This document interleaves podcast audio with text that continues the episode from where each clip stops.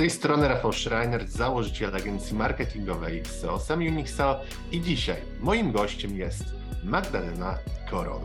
Magdalena jest adwokatką z ponad 10-letnim doświadczeniem, partnerką zarządzającą w kancelarii Creativa Legal i prezeską fundacji Creative Education.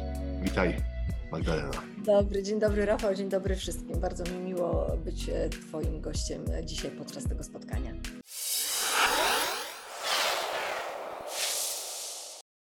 Nie ukrywam, że temat ciekawy dla wielu przedsiębiorców na pewno.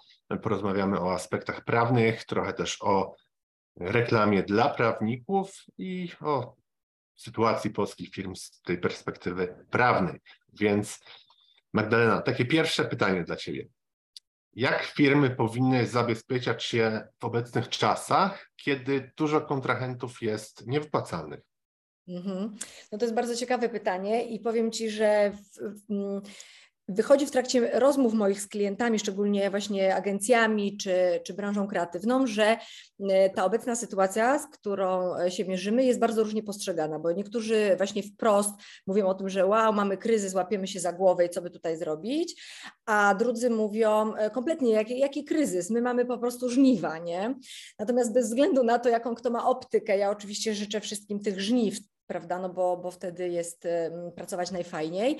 E, ja wychodzę z takiego założenia, że taki każdy moment rynkowy takiego, jak, takiej kiedy sytuacja rynkowa staje się bardziej wymagająca, to jest chyba ten moment na przyjrzenie się swojej firmie.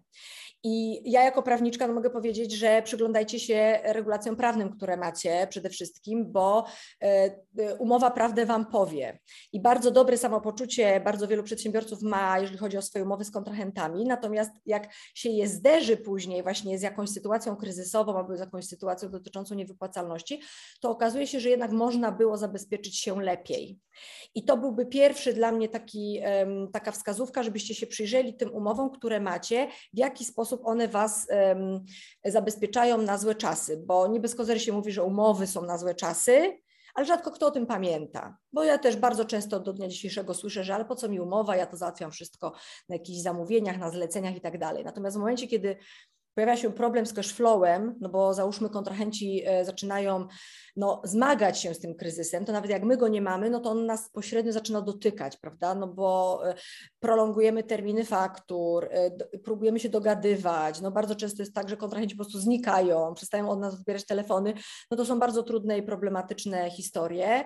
I dla mnie wiadomo, że bardzo zależy to od biznes modelu, który ktoś prowadzi, ale takim trochę złotym środkiem jest jednak e, wejście na e, poziom proform, które nie są dokumentami księgowymi, a jednak wymuszają tą płatność, bo wielu moich klientów na przykład odzyskało cash flow, jeżeli mogło tylko e, wprowadzić proformy, nawet na poziomie 50%, dlatego że już sam, sama wskazówka, że ktoś tej proformy nie zapłacił, jest już absolutnym wyznacznikiem tego, że on nie będzie płacił. I wielokrotnie się spotkałam z taką sytuacją, że już, już robimy, robimy, proszę działać, tak, czy u klienta, czy nawet u mnie samej w firmie, e, gdzie szła proforma, która nie została nigdy opłacona. I wtedy mi się przypomina takie mądre zdanie: do kogo masz większe zaufanie? Do siebie, że dobrze zrobisz swoją robotę, tak? Czy do kontrahenta, że ci za tą dobrą robotę zapłaci? E, no oczywiście mam do siebie, tak? I wszystkim przedsiębiorcom polecam, żeby jednak mieli do siebie to zaufanie, nie? To jest, e, to jest jakby kluczowe. Natomiast na pewno mm, e, to, co też bym mm, rekomendowała w, takim czasie kryzysowym, to przyjrzenie się swoim procedurom i czasowi reakcji na tego rodzaju problem z płatnością występujący, bo, bo idzie faktura, tej płatności na czas nie ma, ona się wyświetla w jakimś systemie na czerwono i pytanie, co my wtedy z nią robimy jako ten przedsiębiorca.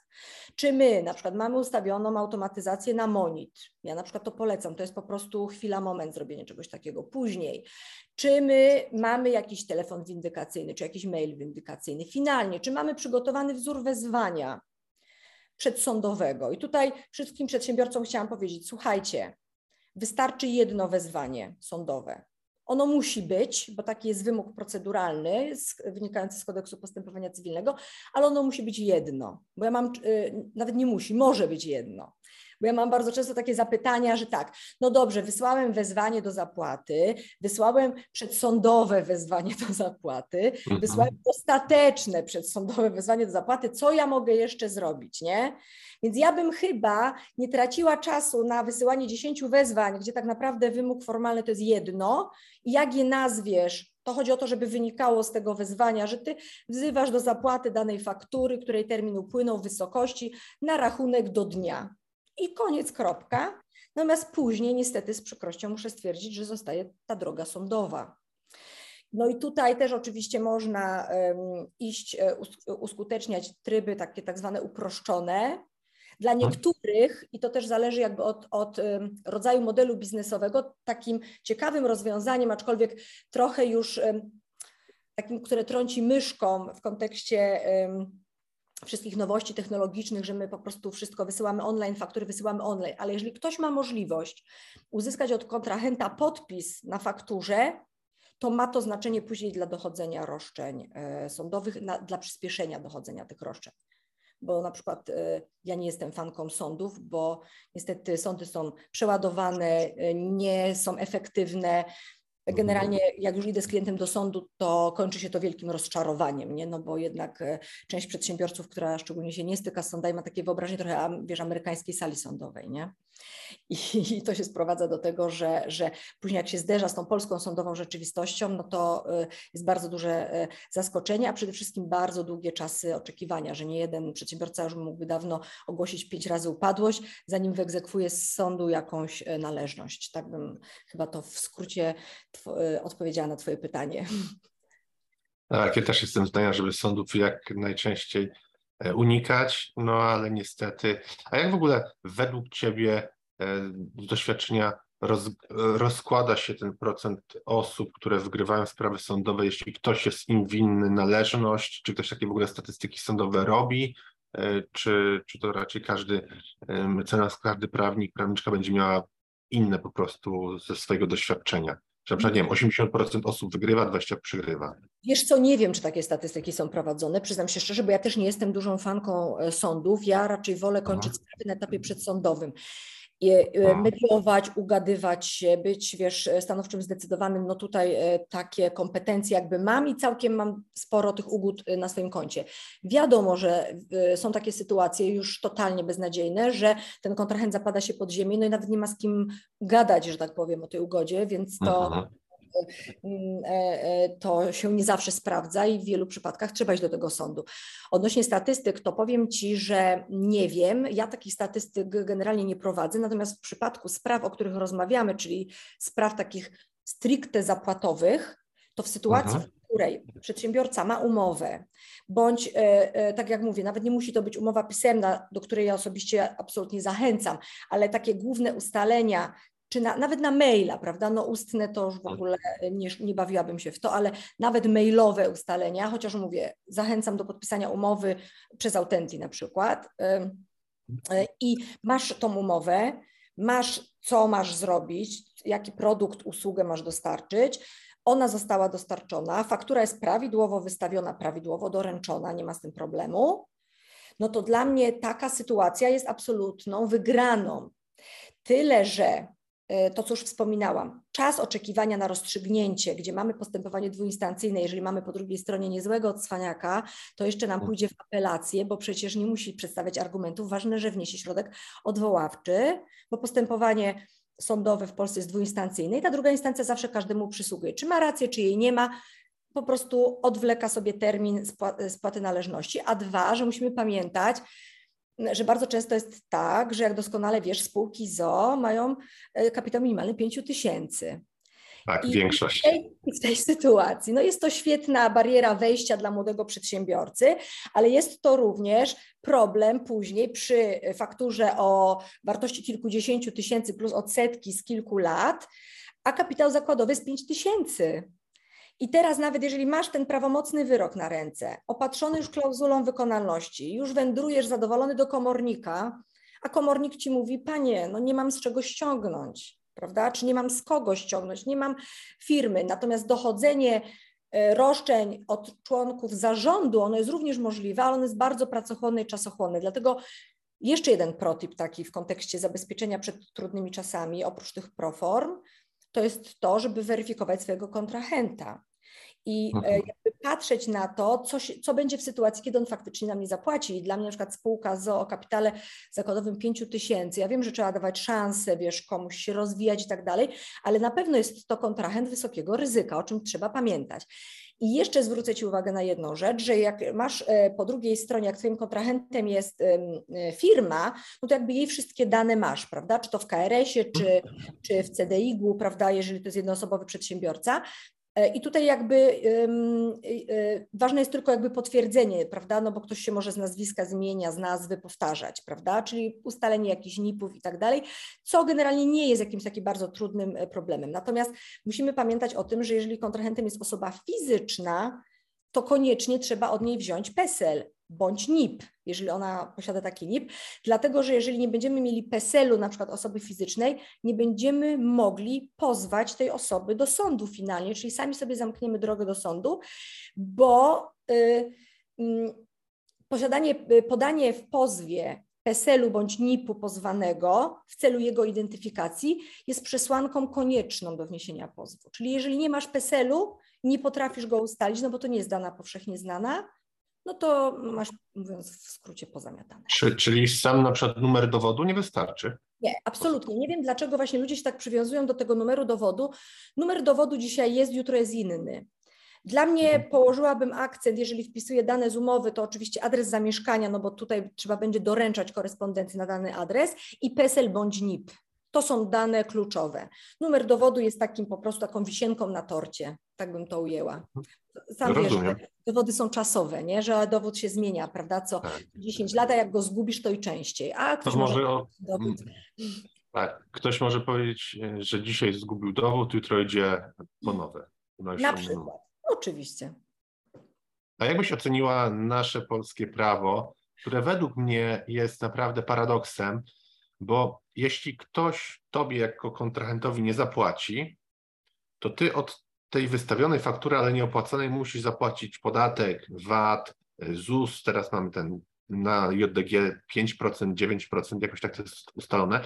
I, I zarówno ZUS, Urząd Skarbowy doskonale potrafią wtedy z takiego przedsiębiorcy dochodzić tego według nich teoretycznie należnego podatku, mimo tego, że naprawdę tej transakcji nie było. I to jest paradoks, bo oni, Urząd Skarbowy potrafi doskonale ściągnąć z przedsiębiorcy, ale nie z osoby, która jest dłużnikiem, która de facto nie zapłaciła za ten produkt czy za usługę. Dla mhm. mnie to jest w ogóle niepojęte. Oni powinni w pierwszej kolejności egzekwować z osoby, która nie zapłaciła za tą usługę czy za ten produkt. No wiesz, no to jest oczywiście e, znaczy pełna słuszność. E, nie mam dobrej odpowiedzi na to pytanie. Dla mnie chyba tą dobrą odpowiedzią będzie właśnie korzystanie z tych proform, jeżeli to jest możliwe, bo proforma nie jest dokumentem księgowym, więc ona jakby nie wymusza konieczności zapłaty tego VAT-u, nie? No bo w sytuacji, w której, o której ty mówisz, to jest faktycznie problem, bo masz tą płatność niejednokrotnie bardzo wysoką, terminy do VAT-u biegną i ty nie masz opcji, żeby coś, cokolwiek z tym zrobić. No płać i płacz, tak? A jednak Wydaje mi się, sama jestem przedsiębiorcą, więc mm, mm, mierzę się z tymi tematami, o których rozmawiamy dzisiaj na co dzień. Wydaje mi się, że przedsiębiorca jest takim trochę chłopcem do bicia, wiesz, że, że mm, patrząc na te wszystkie regulacje, które są, Przedsiębiorca, który z założenia ma generować przychód, ma zatrudniać ludzi, ma innym ludziom stwarzać możliwości zarobkowania, jest zawsze tym jakimś takim złym, no tym złym, E, te, takim jakby trochę, nie wiem, wyzyskiwaczem i tak dalej. I, i dla mnie, dopóki faktycznie to, ta optyka się nie zmieni i nie zmieni się ten system wspomagania tego przedsiębiorcy, tylko cały czas jest to domniemanie winy, prawda? Tu jakieś przekręty na fakturach, tu jakieś um, karuzele watowe i tak dalej. No wiadomo, że takie rzeczy się zdarzają, bo patologie zdarzają się wszędzie, w każdej grupie zawodowej e, e, i, i, i tutaj e, nie można rozciągać to na, na, na, na wszystkich, prawda? Natomiast nie mam, przyznam Ci się szczerze, na to pomysłu.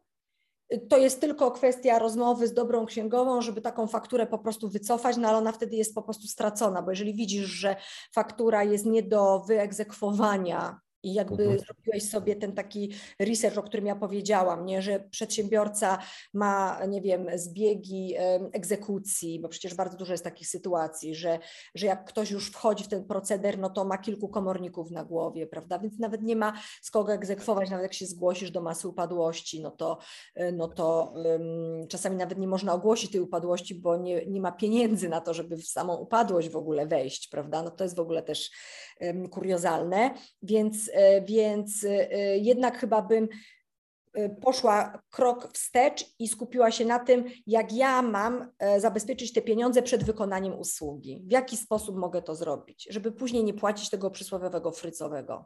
To chyba tak bym mhm. skomentowała. Wycofanie faktury możliwe jest chyba po czterech miesiącach. To mm, w księgowości nazywa się ulga na złe długi, tak mi się wydaje. Tak, tak, ale tak. to wiadomo, jeśli ktoś ma usługi, ok, to jeszcze nie są faktury na olbrzymie kwoty, ale jak ktoś ma czy to olbrzymią hurtownię, to, to niech będzie zablokowane na 4 miesiące i jeszcze w mhm. dodatku musi zapłacić ten podatek VAT w wysokości nie 100, 200, 500 tysięcy, w zależności jaka duża była ta faktura, to współczuję, bo to naprawdę potrafi raz mocno zblokować firmę, że słyszałem, że nawet e, takie firmy nie mają później, żeby przez te 3-4 miesiące płacić swoim pracownikom, przez to, że są tak zblokowani. Poza tym pamiętaj o tym, że VAT zapłacisz i VAT jest teoretycznie do odzyskania, natomiast zanim ten VAT odzyskasz, to też e, jest pewien upływ czasu i bardzo często się zdarza tak, że, że jakby żądanie zwrotu tego VAT-u pociąga za sobą od razu obligatoryjną kontrolę. Bo bardzo często tak. się zdarza, że aha, dlaczego ona chce, czy on chce zwrot VAT-u, no to cyk, pykniemy mu kontrolę, nie? I później po prostu jeszcze masz kontrolę, która ci siedzi, sprawdza cię wszystko, czy ty jesteś legitny, gdzie tak naprawdę ty się jeszcze dodatkowo mierzysz z problemami, żeby utrzymać swoją firmę, utrzymać pracowników, zapewnić cash flow, jeszcze masz kontrolę skarbową na głowie, więc e, jeżeli ktokolwiek z urzędów skarbowych nas tutaj e, słucha, no to ja bym naprawdę postulowała za, e, za taką większą wyrozumiałością i, i jakby wejście w te buty tego przedsiębiorstwa, przedsiębiorcy, który no nie ma lekko, mówiąc e, oględnie. Tak, ja mam nadzieję w ogóle taką, że kiedyś w Polsce będzie takie prawo, że to właśnie nie przedsiębiorca, który nie miał zapłaconej tej faktury należnej, e, będzie ścigany, tylko wreszcie ten dłużnik, który wszystko spowodował. Bo to ja zawsze jestem zdania, że najpierw trzeba e, znaleźć to źródło problemu, a nie to, że, że dalej już po prostu któraś osoba z kolei jest ofiarą powiedzmy jakiejś, jakiejś sytuacji czy, czy problemu. Zawsze. Szósta, tak. Ofiarą szósta po prostu. E, więc ja się przyłączam do tego postulatu, e, Rafał, i, i, ciekawa jestem, może będziemy zbierać podpisy pod jakąś zmianą. E, o, ja bym chciał. Ja bym chciał, żeby tak się wreszcie stało. A uważasz, że, bo teraz mamy taki drugi, inny zupełnie kryzys jak w 2020 roku. Uważasz, że dla przedsiębiorców było wtedy trudniej, kiedy kazali im zamykać firmy, kiedy um, musieli tak płacić ZUSy, zwalniać pracowników, czy może teraz jest trudniej, gdzie ta inflacja też jest mega wysoka, sporo osób jest niewypłacalnych i to jest taki jakby drugi cios po tym kryzysie z 2020 roku. Wiesz co, ja to powiem tak po prawniczemu, to zależy, dlatego że to zależy od profilu działalności, bo zobacz, e, COVID bardzo dotknął e, biznesy stacjonarne, prawda, gdzie nikt się nie spodziewał skali, e, a tu nagle jest wszystko po prostu zamknięte i cześć. Natomiast e-commerce, albo jeżeli ktoś miał po prostu omnichannel, czyli i, i w offline działał i, i w online, E, to on e, miał, jeżeli był w stanie przerzucić się na offline, e, na online, przepraszam, czyli na, na, na działalność internetową, no to on tak naprawdę mm, święcił, no nie wiem, no sukces za sukcesem, prawda, i miał high prosperity. I tak naprawdę osoby, te osoby w biznesach stacjonarnych dostały bardzo, zostały bardzo potłuczone, prawda.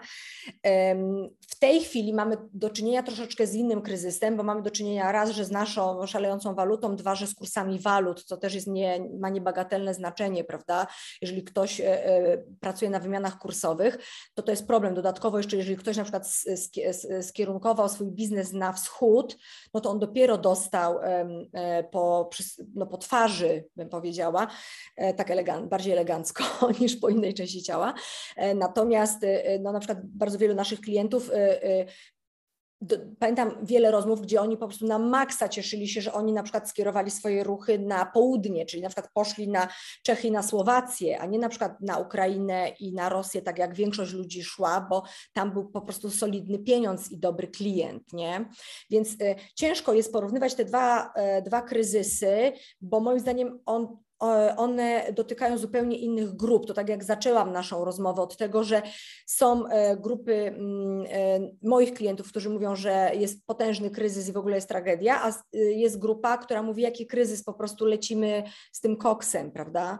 Natomiast na pewno ważne jest to, że i jedni i drudzy bo na przykład e-commerce, które mają się cały czas dobrze, chociaż może teraz będą się miały gorzej, no bo ludzie nie będą mieli pieniędzy na wydatki, pomimo tego, że, że konsumujemy bardzo dużo, no to one na przykład też muszą się przygotować do nowych zmian wynikających chociażby z dyrektywy Omnibus, y, y, do czego ja osobiście bardzo zachęcam. Ma, po prostu mają inne też wyzwania, nie? Więc chyba tak bym to, chyba tak bym to skomentowała, że każdy kryzys dotyka w innego rodzaju przedsiębiorcę. I wydaje mi się, że ten kryzys 2020 roku, on świetnie pokazał, że jak ktoś był takim zwinnym i elastycznym graczem i na przykład szybko z biznesu stacjonarnego potrafił się przetransformować albo już się przygotowywał do biznesu online, no to on był tylko wygrany, nie? E, więc wydaje mi się, że e, dzisiejsze bycie przedsiębiorcą, ono przede wszystkim polega na bardzo dużej jakiejś zwinności i elastyczności, no i e, na posiadaniu też dobrego partnera, no jestem prawniczką, więc powiem partnera prawnego, bo no bez tego moim zdaniem ani rusz, nie? bo masz pomysł, chcesz go szybko wdrażać, no to musisz mieć partnera, który za tobą podąża, nie? więc to musi być prawnik, który rozumie biznes, a nie który go hamuje albo który tylko informuje o tym, że czegoś nie wolno zrobić, nie? no bo też do tej pory e, spotykamy się z takimi komunikatami, no prawnik mi powiedział, że ja nie mogę, no i co ja mam teraz z tym fantem zrobić? Zrobić. Nie? To nie na tym rzecz polega. Wydaje mi się, że w kontekście moich usług, na przykład prawniczych, ten kryzys wymusił e, na bardzo wielu, no bo my taką filozofię już od, od dawna stosowaliśmy, ale na bardzo wielu osobach z mojej grupy zawodowej, na takie podążanie za klientem, bardzo biznesowe podejście, bardzo proaktywne podejście i takie naprawdę ad hocowe doradztwo, nie? taki sztab trochę czasami nawet i kryzysowy, bym powiedziała. A jakie jest mm, Twoje spojrzenie, Magdalena, na marketing w branży prawnej? Bo to, to jest tak jak z lekarzami. Twój zawód jest naprawdę obwarowany wieloma obostrzeniami. A tymczasem, czy to właśnie prawnik, czy to lekarz, czy to notariusz, to jest działalność gospodarcza, to wy jesteście przedsiębiorcami, a, panuje taka, no niestety, zakaz reklamy i to jest na różne sposoby obchodzony, to się próbuje jakoś obejść, ale tutaj właśnie chcę za dużo zdradzać. Wolałbym usłyszeć od Ciebie, jakie jest Twoje zdanie, co można, czego nie można. Jasne. Wiesz co, Rafał, to jest bardzo trudny temat i bardzo wielowątkowy.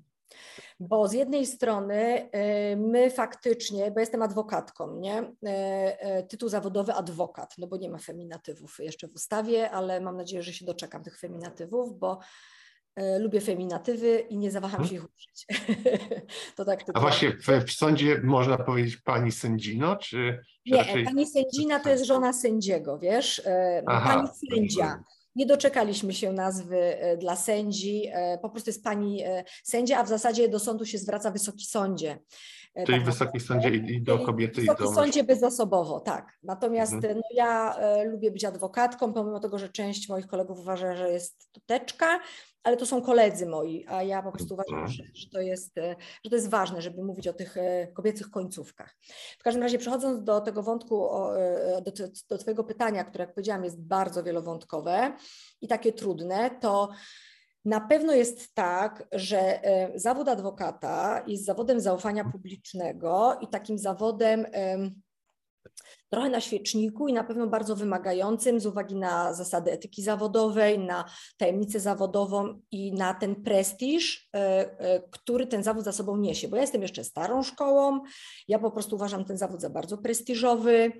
Ja bardzo dużo czasu na aplikacji poświęciłam e, zasadom etyki, historii adwokatury i tak dalej i bardzo mocno one głęboko były we mnie zakorzenione, jeżeli chodzi o te moje normy moralne i etyczne, prawda? Natomiast to, co powiedziałeś, że my jesteśmy przedsiębiorcami, jest w pełni uzasadnione. I pamiętam, jak kiedyś prezes Naczelnej Rady Adwokackiej powiedział, że adwokaci to on, on użył jakiegoś takiego porównania, wydaje mi się, że został trochę źle zrozumiany, ale on powiedział coś takiego, że my mamy przede wszystkim poczucie misji, a nie prowadzenia biznesu. Ja się z tym kompletnie nie zgadzam. Nie, Dlatego... to nikt, nikt nie, nie pracuje w wolontariacie czy w, no, nie robi akurat... swojej działalności fundacji. Akurat e, powiem Ci, że w stosunku do adwokatów takie oczekiwania są, na przykład jeżeli chodzi o darmową pomoc prawną. E, więc e, czy takie oczekiwania były? Więc jest to trochę zdumiewające, bo od, od, innych przedsiębiorców nie wymaga się, żeby świadczyli swoje usługi pro publico bono. Wiadomo, że jest to chwalebna inicjatywa, my też dużo rzeczy robimy pro bono, ale to nie jest core business. I dla mnie e, zawody prawnicze, adwokaci, radcowie, bo to są dwie grupy zawodowe o bardzo zbliżonym profilu działalności, tylko o innej historii, to są po prostu przedsiębiorcy. Natomiast jak radcowie jako grupa zawodowa powstała dużo później, bo zdaje się w latach 80., to adwokaci no, powstali dawno, dawno, dawno temu. Niektórzy doszukują się um, historii adwokatury u, u Bolesława Chrobrego. Ja bym tak daleko już nie, by, nie biegła, ale generalnie na pewno adwokaci e, są e, zawodem o wiele bardziej e, dojrzałym. Natomiast radcowie pod tym względem nas trochę wyprzedzają, jeżeli chodzi o tą taką, powiedziałabym, nowoczesność. I e, oczywiście obie te grupy zawodowe są związane kodeksami etyki, natomiast szczerze mówiąc, wydaje mi się, ja tutaj jestem akurat mocno konkretna i rzeczowa i taka pragmatyczna. Ja po prostu uważam, że przez zakaz reklamy nikogo się nie nauczy etycznych i moralnych zachowań. To nie jest nie tędy droga. I wydaje mi się, że trochę zostało wylane to dziecko z kąpielą i fakt, że my nie, Y, jako te nasze zasady etyczne nie nadążają za rzeczywistością, to, to, to jest złe, dlatego że ja lubię jasne i przejrzyste zasady gry. Jestem przedsiębiorcą, mam prawo poinformować o tym, co robię, czym się zajmuję. Natomiast y, mi się wydaje, że y, jest trochę obawa y, adwokatury o to, że ludzie nie będą umieli tego robić, że to wyjdzie taka taka, mm, taki przaśno-wiejsko-rubaszny styl tej reklamy. Tylko wiesz, znowu wrócę do tego, że nad gustami się nie dyskutuje. Jest takie ładne powiedzenie, de gustibus non est disputandum. I będą ludzie o wysokim poziomie moralnym, etycznym, estetycznym, i oni będą się komunikować do swojej target grupy, prawda? No, rozmawiamy z, rozmawiam z marketingowcem, e, z, e, kierujemy nasz przekaz do przedsiębiorców, ale którzy znają marketing, no to wiemy, kim jest buyer persona, wiemy, kim, kim jest nasz target. Więc osoby o wysokich moralnych standardach E, o e, etycznych jakichś postawach, będą kierowały swój przekaz w sposób elegancki do swojej target grupy. Ale nie można absolutnie wykluczyć tego, że będą osoby, które będą chciały e, komunikację prostą, jasną, przejrzystą, dosadną. To tak jak w normalnych reklamach. Są fanki proszku do prania z panem Heizerem, są fanki bardziej wysublimowanych reklam z Bondem. My nie możemy sprowadzać wszystkiego do wspólnego mianownika. Dla mnie obawa, że ktoś nie będzie licował z zawodem poprzez swoją reklamę, nie jest trafionym argumentem, bo jednak, wiesz, ja zaczynałam e, e, swoją działalność w 2009 roku i wydawało mi się, że mam bardzo ciężko na rynku. Natomiast jak się patrzę teraz, co ci ludzie wchodzący na rynek muszą przeżywać, czego doświadczać i tak dalej, to to jest już w ogóle katastrofa. I teraz jak ci młodzi ludzie mają się po prostu przebić ze swoimi usługami? No ja tak, roz... mi się wydaje, że chyba po prostu zawód y, notariusza, prawnika, one stały się chyba bardzo takie mainstreamowe, popularne w ostatnich latach. Tak, tak, tak przynajmniej mi, mi, mi, się wydaje, że to jest modne, żeby większość osób szła na WPIA niż na jakiś inny wydział.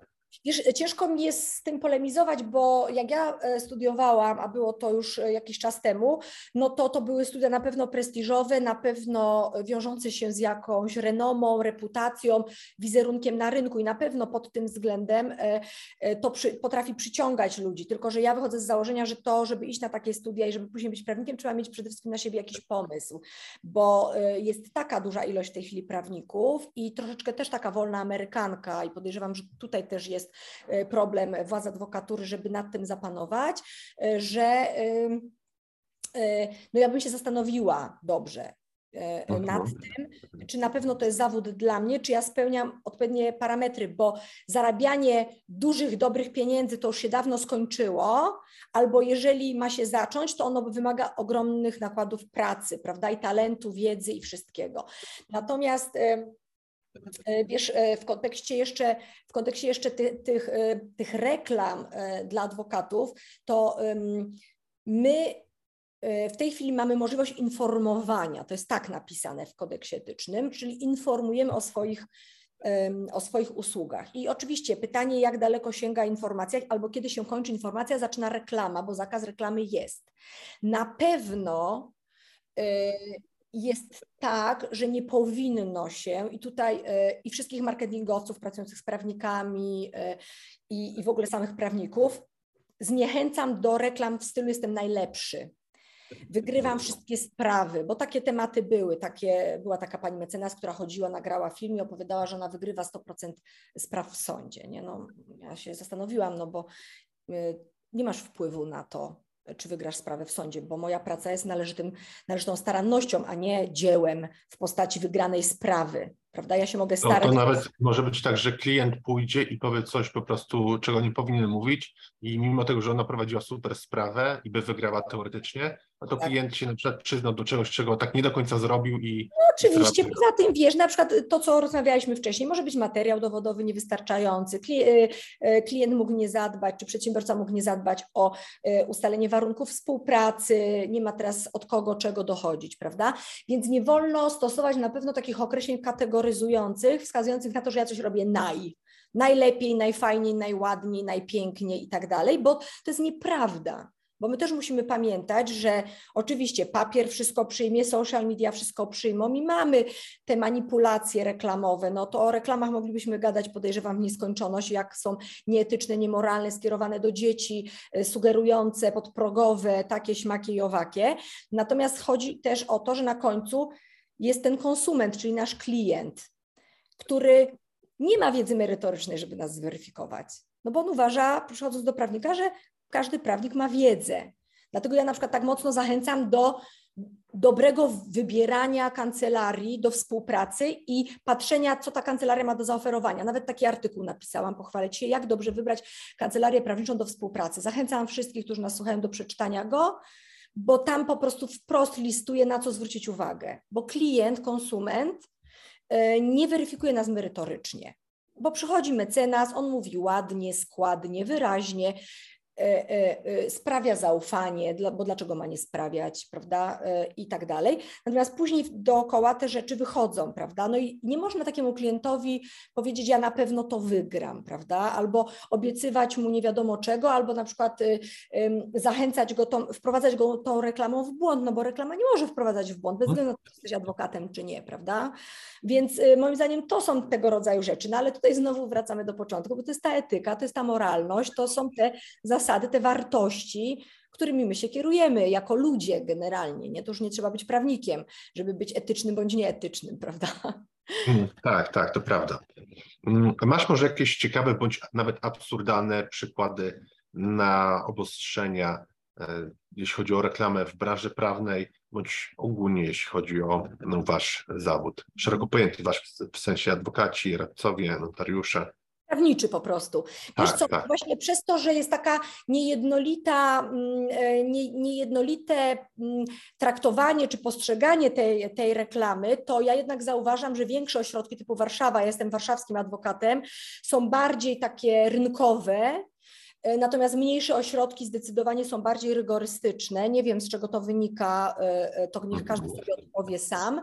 Natomiast takim absurdem dla mnie na przykład było ukaranie dyscyplinarne adwokata za posty, serię postów w social mediach, nie? gdzie generalnie social media, bo wiesz, bo ty wspomniałeś o adsach i tak dalej, dla mnie na przykład SEO i dobór słów, który cię pozycjonuje w sposób organiczny jest bardzo spoko rozwiązaniem. Natomiast te, te sztuczne pozycjonowania, one budzą e, zastrzeżenia Izby, nie? że specjalnie się wybijasz, że to jakby nie jesteś wcale najlepsza, a wyskakujesz na, na pierwszych, pierwszej stronie czy pierwszych dwóch stronach, chociaż e, na, na dzisiejszy moment, żeby wyskoczyć na pierwszej pozycji, na pierwszej stronie, to trzeba przepalić fortunę i to jest tak. działanie, co dużo mówić, nieefektywne, bo przecież najbardziej efektywnym działaniem jest pracowanie na kontencie, prawda, i na wartościowych tak. treściach, bo tylko to cię pozycjonuje w sposób e, e, taki stały i systematyczny, prawda? No to zresztą rozmawiam z fachowcem, to na pewno mi to potwierdzisz, bo ja to Tak, ja w 100% to potwierdzam. Nie ma co być przypalić masę budżetu, żeby być na przykład organicznie na pierwszej pozycji w SEO i dostawać 99% zapytań, z których i tak nie będzie klientów, a ktoś musi y, na, na nie odpowiadać. E, masa jest w ogóle zapytań niezwiązanych z tematem. Także kontentowo, brandingowo, budując autorytet, to jak najbardziej jestem tutaj za i też to wszystkim polecam. Można zawsze zastosować remarketing. Mm, a teraz nasza mi taka myśl. A co jeśli załóżmy um, reklamować radcę prawnego um, czy notariusza, ale przez inny podmiot? Na przykład żona ma JDG i reklamuje męża. I ona mówi, że to jest najlepszy adwokat. Jest oficjalny, jest oficjalny zakaz korzystania z pośredników, więc jakby tutaj Aha, e, zasady y, nasze, naszej etyki, one o tym pomyślały, że ty nie możesz korzystać z pośredników, natomiast mhm. E, prawda jest taka, że ty masz prawo do tych opinii, bo widzisz właśnie, Kwestia opinii też jest bardzo dyskusyjna, bo y, i właśnie kiedyś został jakiś adwokat ukarany, z tego co pamiętam, za to, że on przedstawiał w, w internecie opinię na swój temat. E, I wyszli, wy, wysz, y, y, wyszedł sąd z tego założenia, z tego co pamiętam, nie chcę tutaj e, jakby zmyślać, ale wyszedł z takiego założenia, że te opinie mogły być fejkowe. Natomiast e, mhm. wiesz co, no teraz na przykład też wchodzą nowe regulacje, które, które bardzo się rozliczają z, z fejkowymi opiniami i nie będzie możliwość fejkowych opinii. Natomiast wiesz, nie wyobrażam sobie osobiście z mojej perspektywy, że zamieszczam na stronie internetowej opinie klientów, podpisując ich, że ci klienci po prostu tych opinii nie wyrazili. No to jest to strzał w stopę. To tak samo jak ktoś miałam kiedyś taki przypadek, że ktoś na swojej stronie miał referencję osoby, z którą się sfakapował we współpracy. I pech chciał, że my akurat tę osobę poprosiliśmy o referencję. I ta osoba powiedziała, ale jak to? Ja jestem osobą, która firmuje tego człowieka, kiedy on kompletnie zrobił mi fatalną robotę, Wiesz, to też trzeba z rozwagą podchodzić do tego. No ja osobiście uważam, że w opiniach klienckich nie ma nic złego, natomiast podejście organów jest bardzo różne, nie, e, adwokatury, więc natomiast dla mnie jest opinia, która oczywiście nie mówi, że mecenas Korol jest najlepsza na świecie po prostu i wszystko wam ogarnie i wszystko wam zrobi, ale jeżeli i taka opinia jest co do zasady śmieszną opinią, umówmy się, kuriozalną, ale opinia, która mówi o tym, że współpracowało mu się dobrze, bo czas reakcji był dobry, bo jest zrozumienie tematu, bo jest y, biznesowe podejście, bo to, bo to, bo to, no to ja nie widzę osobiście nic złego y, w takiej opinii. Natomiast odnośnie Twojego pomysłu, no to y, nie szłabym raczej w to, bo są oczywiście takie mm, pomysły, że y, kancelaria, czy na przykład jak jest cold mailing, czy cold calling, który jak doskonale wiesz, no teraz jest y, po prostu no, zabroniony, prawda, z uwagi na RODO, mhm. niezamówiona informacja i tak dalej, y, ale jeżeli ludzie idą w takie wątki, to na przykład ja się spotkałam z taką propozycją, z której nie skorzystałam, że ktoś w moim imieniu dzwonił i robił badanie potrzeb, nie mówiąc w czyim imieniu dzwoni i dopiero kiedy ten lead był już takim leadem, wiesz, kwalifikowalnym, nie, czyli nie było przepalania czasu na mm, e, sklasyfikowanie tego leada i, i, i, tak dalej, czyli ten lead już był taki, wiesz, gotowy, podgrzany i trafiał do mnie, to wtedy dopiero ta, ten lead się dowiadywał, e, o kogo chodzi i do kogo trafiał. Ja w taki system, przyznam się szczerze, nie wierzę, dlatego że moja relacja z klientami jest oparta na zaufaniu. Oni mają zaufanie do mnie czy do, do, do mojej firmy, a nie e, do jakiegoś wyimaginowanego prawnika. Nie? Więc znowu wrócę do tego, że dla mnie kluczowa jest praca na kontencie, pokazywanie siebie jako eksperta, e, używanie słów kluczowych, które świetnie pozycjonują e, i przede wszystkim wąska specjalizacja. Bo dla mnie na przykład prawnik, który jest w poniedziałek robi rozwody, we wtorek ogarnia umowę z influencerem, a w środę znak towarowy, a w czwartek RODO, a w piątek e, idzie na sprawę rodzinną albo karną, no to jest dla mnie niewiarygodny, bo, bo to, to jest jakiś Leonardo da Vinci nowy, że on jest w stanie tyle rzeczy po prostu ogarnąć. Z całym szacunkiem. Człowiek może... renesansu. Tak, człowiek renesansu, bo może są takie pojedyncze jednostki, nie chcę tu absolutnie nikogo urazić, ale to jest wyjątek, który potwierdza regułę, więc jestem też fanką potężną specjalizacji. Uważam, że mhm. jeżeli jestem, prowadzę biznes w danej dziedzinie, powinienem szukać danego specjalisty, który również mówi moim językiem biznesowym, nie? Mhm.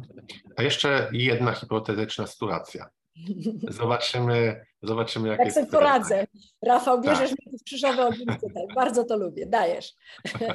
Okej, okay. załóżmy, zakładam spółkę z, ja nie jestem prawnikiem, jestem adwokatem, jestem radcą prawnym, notariuszem, zakładam spółkę, super radca, spółka ZO i ja ją reklamuję, że jesteśmy najlepszymi prawnikami i po prostu mam zatrudnionych mecenasów, czy to na B2B, czy na umowie. Jakie jest Twoje zdanie? Mógłbym tak się reklamować? Znaczy, słuchaj, to się dzieje, więc ja tu Ameryki nie odkryję, tak. że oczywiście takie podmioty działają, bo pamiętaj, że taki podmiot, który jest spółką ZO, bo adwokaci nie mogą zawiązywać, czy radcowie spółek ZO, mogą zawiązywać tylko spółki osobowe, a spółka ZO mhm. jest spółką kapitałową. I takie mhm.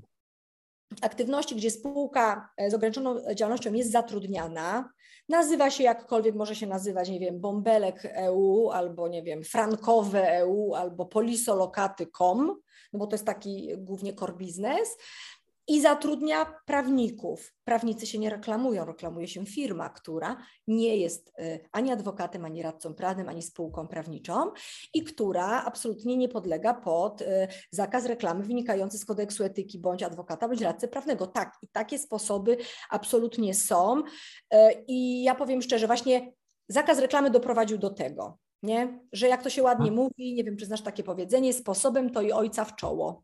I to jest właśnie po prostu ten sposób, który znalazły firmy, które w ten sposób po prostu pracują. One mają swój określony mm, tak naprawdę trochę ten biznes, no bo tak jak powiedziałam, to są głównie firmy frankowe, to są również firmy, mhm. które się zajmują takimi powtarzalnymi zleceniami, no i trudno tak. im się dziwić, no po prostu y, y, jest to sposób funkcjonowania na rynku, sposób zarabiania pieniędzy. Ja uważam, że, że kreatywność w takim wypadku jest, y, jest absolutnie godna no, pochwały. Tak, mówię, to jako, mówię to jako adwokat, który, który, dla którego takie firmy być może, chociaż może nie wiem, czy one są dla mnie konkurencją, bo mamy inną target grupę, no ale jest to po prostu metoda zarabiania pieniędzy i w tym, e, w tym kontekście nie mam nic przeciwko, niech każdy zarabia pieniądze w taki sposób, jaki uważa za stosowny, byleby to nie było naciągactwo klienta, tak? bo też jeszcze bardzo ważny jeden aspekt, o którym w kontekście tych firm trzeba powiedzieć. Nie wiem, jak jest z ubezpieczeniem tych firm, takiej odpowiedzialności cywilnej od takiego mm, wypadku przy pracy, prawda? Bo powołałeś się mhm. do lekarzy, lekarze prawnicy mają polisy OC, czyli w razie, gdyby coś się zadziało, bo tak jak powiedziałam, my pracujemy na zasadzie umowy zlecenia, czyli jest ta należyta staranność, ale nie odpowiadamy za efekt, E. Więc wtedy, wiesz, staram się, staram, ale nie wychodzi, no i jest jakiś problem, no to ja mam zawsze polisę OC. Nie wiem, jak takie firmy są z polisami OC. Wiem, że podejrzewam, że mogą je mieć, ale nie muszą. My mamy obowiązek. Więc jak mhm. klient do nas przychodzi, to on wie, że w razie czego ja jestem ubezpieczona, nie? A czy taka firma jest ubezpieczona, to ciężko stwierdzić. Natomiast nie miałam do czynienia nigdy z taką firmą. Natomiast model biznes znam i on jest tutaj, wiesz, e, no jest zgodny z prawem po prostu. Cóż mogę powiedzieć? Tak, to było takie pytanie, test kontrolne, bo, bo my tutaj właśnie u siebie też mamy właśnie tego typu klientów kilku, którzy działają na tej zasadzie, nie są radcami, prawnikami i tak dalej, mają zrobione spółki i wynajmują po prostu, czy to na B2B, czy inaczej. My im robimy normalnie reklamy na Facebooku, w Google i to zawsze przychodziło, zawsze przychodzi. Nigdy nie, żadna z tych firm nie miała żadnych e, nieprzyjemności z tego no tytułu. Oczywiście, oczywiście, tak, no bo to jest, y, tutaj nie ma nawet podstawy do, do bycia nieprzyjemności. Same takie reklamy też mi się wyświetlają, więc y, jakby mam świadomość y, istnienia tych firm, więc ja tutaj nie widzę takiego zagrożenia odpowiedzialności dyscyplinarnej, która wiąże mhm. adwokata bądź radcę prawnego, prawda? Więc, więc no tak to wygląda. No. Tak, zresztą jakby można było taką odpowiedzialność później dochodzić, na przykład jak jest tam pięciu radców zatrudnionych, nie wiem, każdemu jakąś, nie wiem, po, po trochu rozdzielić tę karę. Ja mam, tylko, ja mam inną tylko wątpliwość, wiesz, dlatego że mm, jak e, w zależy, e, pytanie, kto tą spółkę też zakłada. Bo jest taki hmm. przepis w kodeksie etycznym, w kodeksie naszym etycznym, wiesz, akurat mam za sobą doświadczenia bycia sędzią dyscyplinarnym, więc jakby taką optykę mam też z tej drugiej strony barykady. E, że jest przepis, który mówi, że zawodu adwokata nie można łączyć z zajęciem, które nie licuje z zawodem. Nie? I na przykład ja bym była ostrożna e, w stosunku do moich kolegów, którzy mają ten tytuł adwokata bądź radcy prawnego przed zakładaniem takich spółek. Nie wiem, jaka jest e, praktyka sądów dyscyplinarnych w tym obszarze, ale jeżeli zakłada to zwykły przedsiębiorca, który jest na przykład, nie wiem, szefem agencji, tak jak ty, e, mhm. i on zatrudnia później B2B prawników, nie widzę problemu. Natomiast zastanawiam się, jak e, izby będą, czy jak podchodzą w ogóle, bo tutaj już straciłam kontakt z tym tematem, podchodzą, że zakłada to adwokat, tą spółkę i zatrudnia adwokatów. To albo jest niewykonującym, adwoka, za, za, niewykonującym zawód, albo po prostu no, nie, nie firmuje tego jako adwokat też, nie? no bo tutaj wtedy mielibyśmy ten mm, związek przyczynowy. To jeżeli coś, ta, coś takiego mogę powiedzieć, na pewno te osoby bardzo mocno to już przeanalizowały, ale tutaj to, co mi się tak na gorąco jawi, no to ten wątek taki, nie? że na to trzeba po prostu uważać. Tak, i teraz mam do Ciebie jeszcze Jedno pytanie jest złożone tak jakby z dwóch wątków, można tak powiedzieć. Po pierwsze, jakie jest Twoje ogólnie spojrzenie na marketing, bo dużo się ostatnio działo.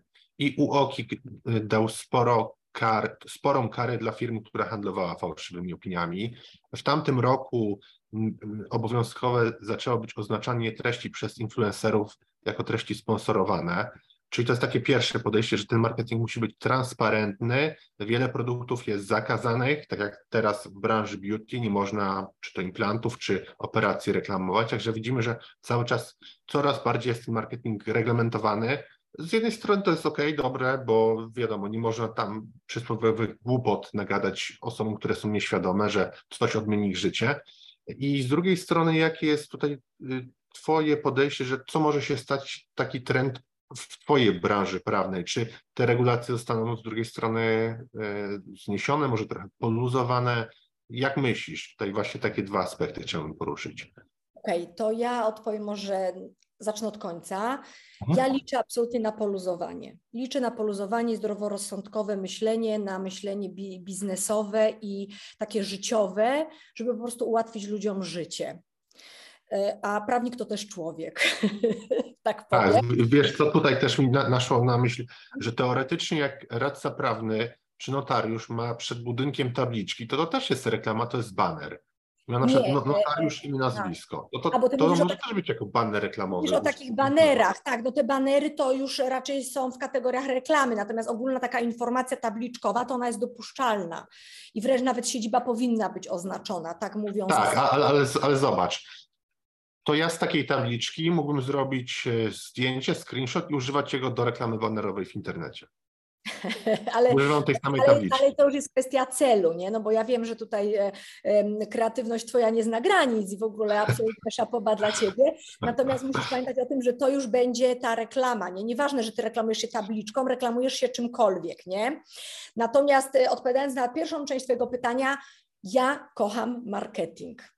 Ja jakbym nie była prawniczką, byłabym na pewno w branży marketingu i bardzo często naszą kancelarię mylą z agencją. I na tak mi się śmiać chce, że ktoś mówi, e, poznaj Magdę z agencji Creativa Legal, nie? I później gadamy, gadamy, jestem prawnikiem. Ja nawet nie poprawiam ludzi, bo ja po prostu, dla mnie to jest komplement. Ja kocham branżę kreatywną, pracuję z nią już 10 lat. E, zaczynam od, e, razem z moim wspólnikiem Markiem Szczudło e, od branży fashion, designu i tak dalej.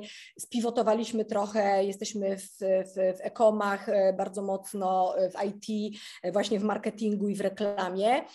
Ja po prostu y, kocham ten stan umysłu, kocham tą kreatywność, y, kocham te wyzwania, które y, branża mi podsuwa. Lubię tą responsywność, to tempo pracy, po prostu to jest świetne. Natomiast i to jest jakby pierwsza rzecz. Druga rzecz, jeżeli chodzi o te obwarowanie i o, o te rzeczy, o których powiedziałeś. Ja w kontekście influencerów, bo to jest temat mi dość bliski, ja uważam, że to już dawno powinno było być uregulowane, zanim te wytyczne UOKiK-u pojawiły się na rynku, to nie jest obowiązujące prawo, to są wytyczne, musimy o tym pamiętać, no ale Łokik ma instrumenty, żeby e, to egzekwować. Ja osobiście Łokik bardzo lubię jako urząd. E, urząd. Ja mam problem z urzędami, e, nie jestem wielką fanką, ale fanką Łokiku, pomimo jakiegoś takiego mm, troszeczkę hejtu, który się na nich wylał po tych rekomendacjach, że są nieprecyzyjne i tak dalej, Łokik zrobił świetne mm, live'y, w których brałam udział, odpowiadał na bardzo dużo pytań, wykazywał się bardzo dużą cierpliwością, też nie uniknął błędów, umówmy się, ale nobody mhm. is prawda? My zanim te wytyczne y, y, dotyczące influencerów były, my y, komunikowaliśmy bardzo mocno na naszym blogu te wytyczne, które przychodziły ze Stanów i z Wielkiej Brytanii, że trzeba zrobić coś z tym tematem. No nie może być tak, wiesz, że czytamy proszkowi do prania, nie? Albo po prostu, wiesz, na śniadanie podajemy komuś wodę z filtra, akurat z tego filtra i ściemniamy, że to jest neutralny przekaz. Tak nie można robić po prostu. Uważam, że to jest niepoważne. I, i, I robienie z ludzi głupka trochę się już skończyło. No, niektórzy mają z tym problem, sorry, no ale no tak no ja tu jestem akurat pod tym względem mocno kategoryczna. Druga grupa problemów to jest to, co powiedziałeś, ta medycyna estetyczna, te fałszywe opinie, to jest też alkohol i to jest e, reklama beauty. I tutaj wiesz, e, powiem Ci tak, rozumiem pełnym sercem, bo napisałam też dużo artykułów odnośnie reklamy alkoholu i case study w ogóle. E, rozumiem, że jest to produkt, który gdzieś trzeba e, pokazywać, co nie? Mhm.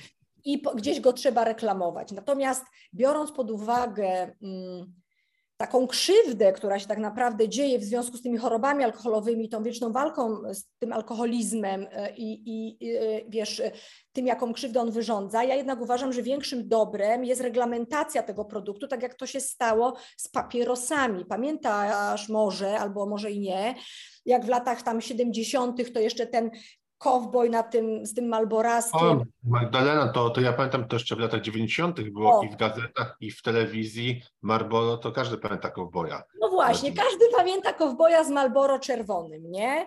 I ja wiem, że teraz te reklamy tych wszystkich raków, tych wszystkich e, strasznych rzeczy na tych paczkach papierosów, one też się tak kompletnie, wiesz, opatrzyły. Ja akurat nie palę, więc tylko widzę to tak w markecie e, i to też jest takie, mm, takie już zobojętnienie, nie? Na ten problem tytoniowy, ale ale reklam tytoniu nie ma. I podejrzewam, że alkohol czeka los podobny, więc alkohol będzie musiał robić to w sposób inny, tą reklamę. Jest to możliwe. Pisałam nawet o tym jak, e, natomiast e, e, no to to jest takie wyzwanie. Drugim takim wyzwaniem, bo dla mnie te fałszywe opinie to jest patologia, no to nie może tak być, no to jest okropne. Już pomijam to, że ile tych patologii, ile tych opinii jest hejterskich takich, po prostu niszczących markę. E, e, tak. jedną bądź drugą pisanych przez konkurencję. No to, jest, to są patologie rynku, które bezwzględnie trzeba zwalczać. Natomiast w kontekście jeszcze tego tematu beauty, e, to jest taki temat tego beauty, to tak jak ten temat suplementów na regulację, którego czekam, nie?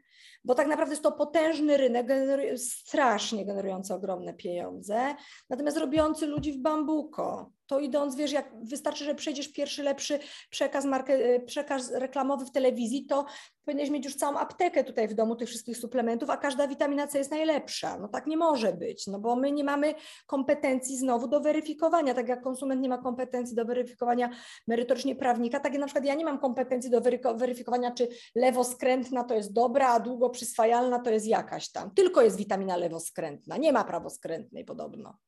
E, to tak na marginesie. E, a z mhm. kolei w kontekście tego beauty, to wiesz, no y, i reklamowania czegoś jako lekarz, czyli jakby udawania autorytetu, no to dla mnie to jest totalna patologia. Sorry, znowu muszę powiedzieć.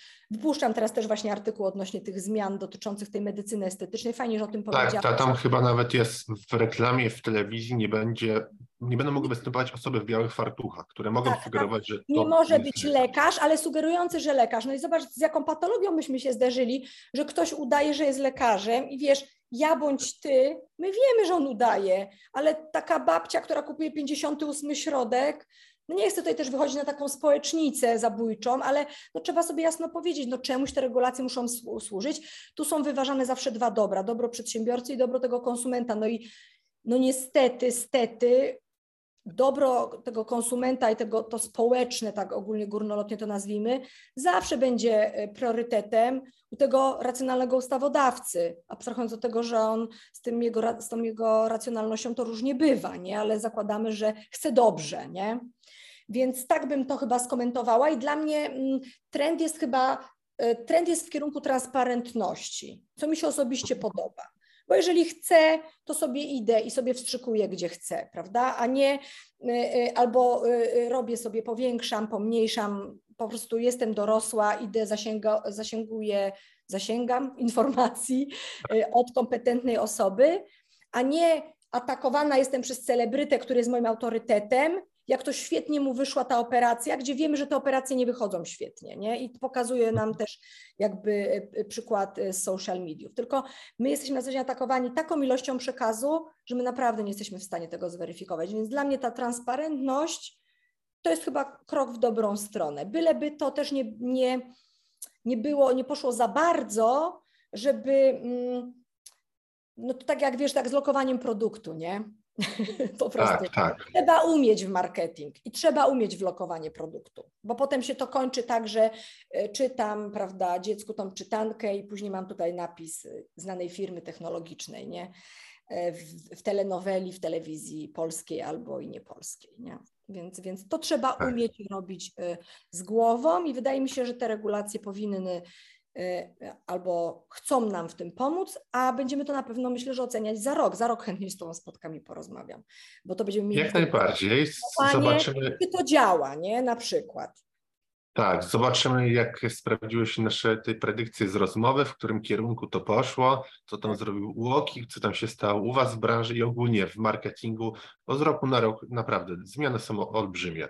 Jeszcze kiedyś super y, było takie włączenie przysłowiowe tylko reklam i to y, działało ekstra. Teraz ludzie po prostu się z tym opatrzyli. Nikt nie chce kupować od takiej firmy, która tylko mówi chodź i kup i wszyscy patrzą obecnie na ten content, żeby jak najbardziej się z firmą czy z osobą zidentyfikować. To jest też ciekawe, słuchaj, że się buduje tą autentyczność, tą taką, ten taki, wiesz, to customer relation, że y, budujesz, tą, te, budujesz te swoje wartości, tą swoją unikatowość. To jest też, czy uważam, bardzo y, pobudzające kreatywność, bardzo kreatywne i dla branży marketingu dające duże pole do popisu, y, bo, bo jednak te reklamy są no, coraz bardziej takie, powiedziałabym, wymyślne i bardziej takie sprecyzowane mm, i, i są reklamy, które nas ujmują, a są reklamy, które nas po prostu degustują bądź śmieszą, prawda? No, zakładam, że każdy też ma e, swoją grupę dotarcia, prawda? Dla niektórych e, e, reklamy w sztucznym śniegu są też urocze, nie? Więc wiesz, to każdy, każdy według potrzeb może brać, nie?